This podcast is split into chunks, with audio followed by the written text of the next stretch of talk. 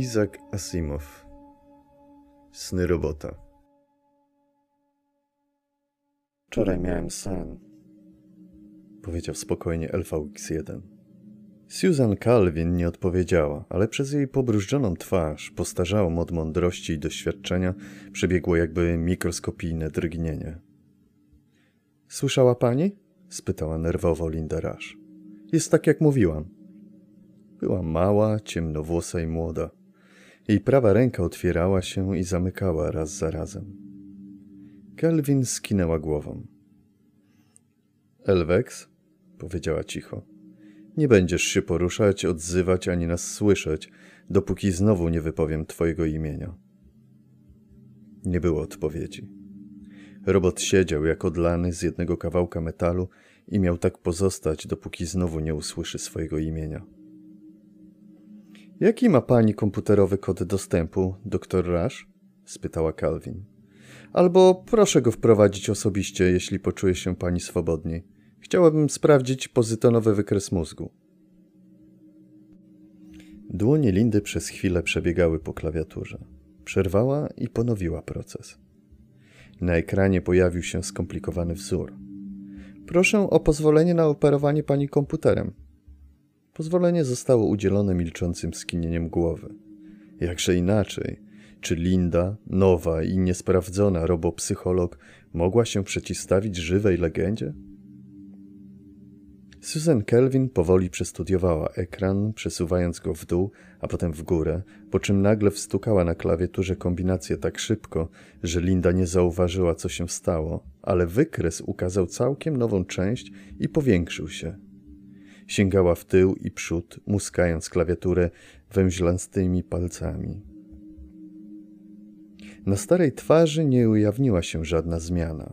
Calvin wpatrywała się we wszystkie fragmenty wykresu, jakby w jej głowie trwały skomplikowane obliczenia. Linda nie rozumiała. Nie można zanalizować wzoru bez co najmniej ręcznego komputera, a jednak stara kobieta tylko patrzyła. Czy miała komputer wszczepiony w czaszkę? Czy jej mózg od dziesięcioleci nie robił nic poza opracowywaniem, studiowaniem i analizowaniem pozytywnych wykresów mózgowych? Czy czytała wykresy tak jak Mozart czytał partyturę symfonii? W końcu Kelvin spytała: Co pani zrobiła, Rasz? Posłużyłam się geometrią fraktalną. Tyle się domyśliłam, ale dlaczego? Nigdy tego nie robiono. Uznałam, że w ten sposób otrzymam wykres mózgu o dodatkowej złożoności, być może bliższy ludzkiemu. Czy konsultowała się pani z kimś? Czy to wszystko pani dzieło? Z nikim się nie konsultowałam. To moje dzieło. Spłowiałe oczy Kelvin długo wpatrywały się w młodą kobietę. Nie miała pani prawa. Rasz to pani nazwisko i pani natura. Kim pani jest, że nie pyta innych? Nawet ja, ja, Susan Calvin, chciałabym to przedyskutować. Bałam się, że ktoś mnie powstrzyma. Z pewnością tak by się stało. Czy. Głos jej zadrżał, choć usiłowała mówić zdecydowanie. Stracę pracę? Całkiem możliwe, powiedziała Calvin. Albo może pani awansować. Zależy, co pomyślę, kiedy skończę. Czy zamierza pani rozmontować El... Omal nie wypowiedziała tego imienia, co zaktywowałoby robota i byłoby kolejnym błędem. Nie mogła sobie pozwolić na jeszcze jeden błąd, jeśli w ogóle nie było za późno na pozwalanie sobie na cokolwiek. Zamierza pani rozmontować robota? Nagle zdała sobie sprawę z pewnym wstrząsem, że stara kobieta ma w kieszeni fartucha broń elektronową. Doktor Calvin była przygotowana na tę okoliczność. Zobaczymy, powiedziała Calvin. Robot może okazać się zbyt cenny, by go rozmontować. Ale jak może śnić? Zrobiła pani pozytonowy wykres mózgu wybitnie przypominający ludzki. Ludzkie mózgi muszą śnić, by się przeorganizować, by pozbywać się okresowo węzłów i zawiłości. Może podobnie muszą robić roboty i z tych samych przyczyn. Spytała go pani, co mu się śniło? Nie, powiadomiłam panią natychmiast, kiedy powiedział o śnie. Nie zamierzałam dalej zmagać się z tym sama. A, przez twarz Calvin przemknął bardzo nieznaczny uśmieszek. Istnieją granice, których pani szaleństwo nie przekroczy. To mnie cieszy. Prawdę mówiąc, ulżyło mi. A teraz sprawdźmy wspólnie, czego się dowiemy. Elwex rzuciła ostro. Głowa robota gładko zwróciła się ku niej. Tak, doktor Calvin. Skąd wiesz, że śniłeś? To się dzieje nocą, kiedy jest ciemno, powiedział Elwex. I nagle jest światło, choć nie widzę powodu pojawienia się światła. Widzę rzeczy, które nie mają związku z tym, co uważam za rzeczywistość. Słyszę różne rzeczy. Reaguję dziwnie. Szukając w słowniku terminów na wyrażenie zaistniałej sytuacji, znalazłem słowo sen. Przestudiowawszy jego znaczenie, doszedłem do wniosku, że śniłem. Ciekawe, jak to się stało, że w twoim słowniku znajduje się sen. Dałam mu ludzki słownik, odezwała się szybko Linda, uciszając robota gestem. Myślałam. Pani naprawdę myślała, powiedziała Calvin. Jestem zdumiona. Myślałam, że będzie potrzebować tego czasownika. Wie pani, nawet mi się nie śniło. Coś w tym rodzaju. Jak często śniłeś, Elwex? spytała Calvin. Co noc, odkąd stałem się świadomy mojej egzystencji. Dziesięć nocy, przerwała Linda z niepokojem. Ale powiedział mi o tym dopiero dziś rano. Dlaczego dopiero dziś rano, Elwex? Dopiero dziś rano zyskałem przekonanie, że śnie. Do tej pory sądziłem, że w moim pozytonowym wykresie mózgowym istnieje błąd, ale nie mogłem go znaleźć. W końcu uznałem, że to sen. I o czym śnisz? Sen jest zawsze taki sam. Różni się drobnymi szczegółami, ale zawsze mi się wydaje, że widzę wielką panoramę, w której pracują roboty. Roboty? Czy rozróżniasz istoty ludzkie? We śnie nie widzę istot ludzkich. Nie na początku. Tylko roboty. Co robią? Pracują. Widzę kopalnie pod ziemią i roboty trudzące się w skwarze i promieniowaniu. Widzę je w fabrykach i pod powierzchnią morza. Kalwin odwróciła się do Lindy. Elwex ma tylko 10 dni i jestem pewna, że nie opuszczał stacji eksperymentalnej. Skąd ma tak szczegółową wiedzę o robotach?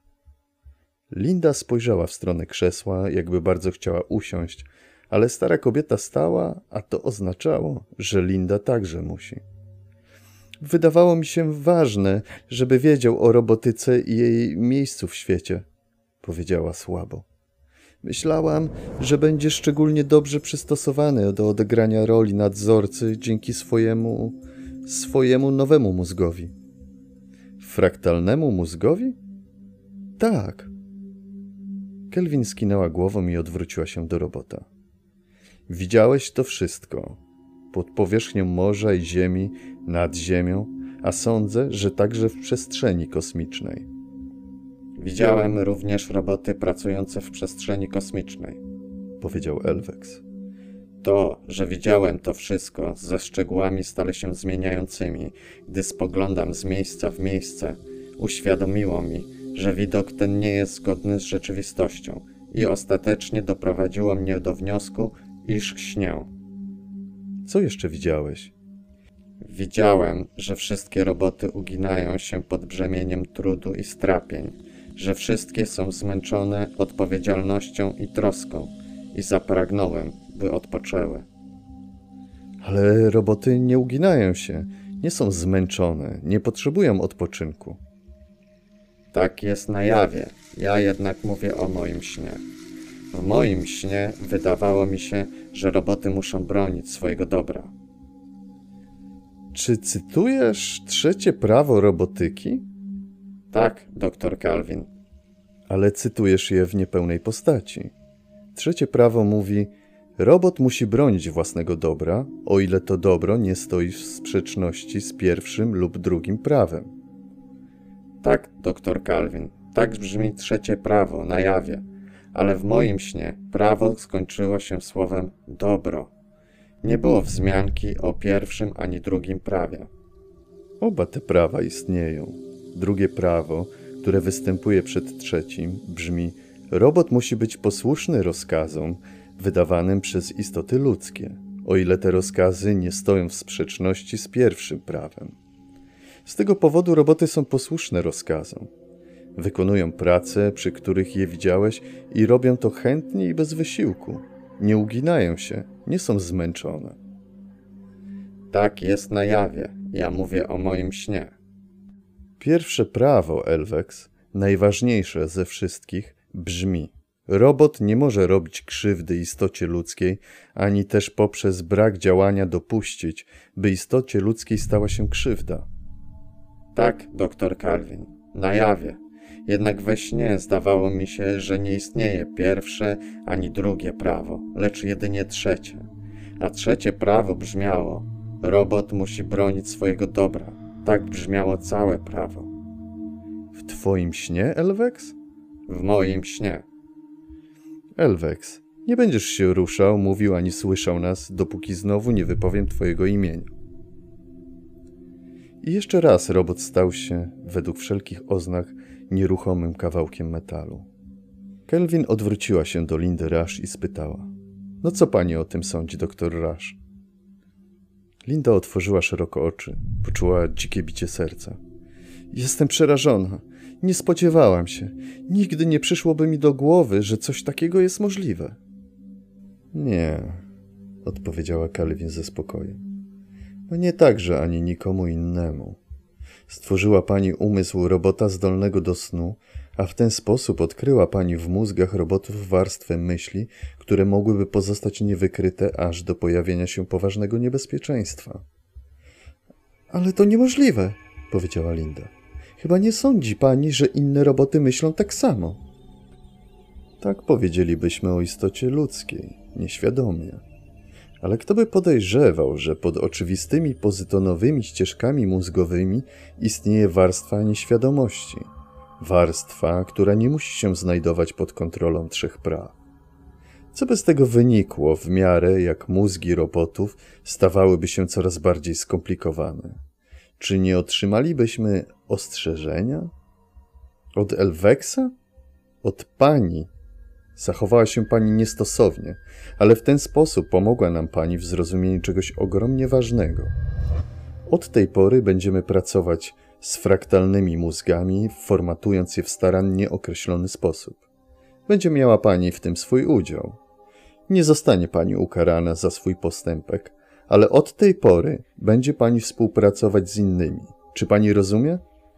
Tak, doktor Kelvin. A co z Elweksem? Nadal nie jestem pewna. Kelvin wyjęła z kieszeni elektronową broń. Linda spojrzała na nią z fascynacją. Jedna eksplozja elektronów w czaszkę robota, a ścieżki pozytonowego mózgu zostaną zneutralizowane i wyzwoli się tak wielka energia, że stopi mózg robota na martwą bryłkę metalu. Ale Elwex jest na pewno ważny dla naszych badań, powiedziała. Nie wolno go niszczyć. Nie wolno? Zdaje się, że to ja o tym decyduję. Jest to całkowicie uzależnione od tego, do jakiego stopnia niebezpieczny jest Elwex.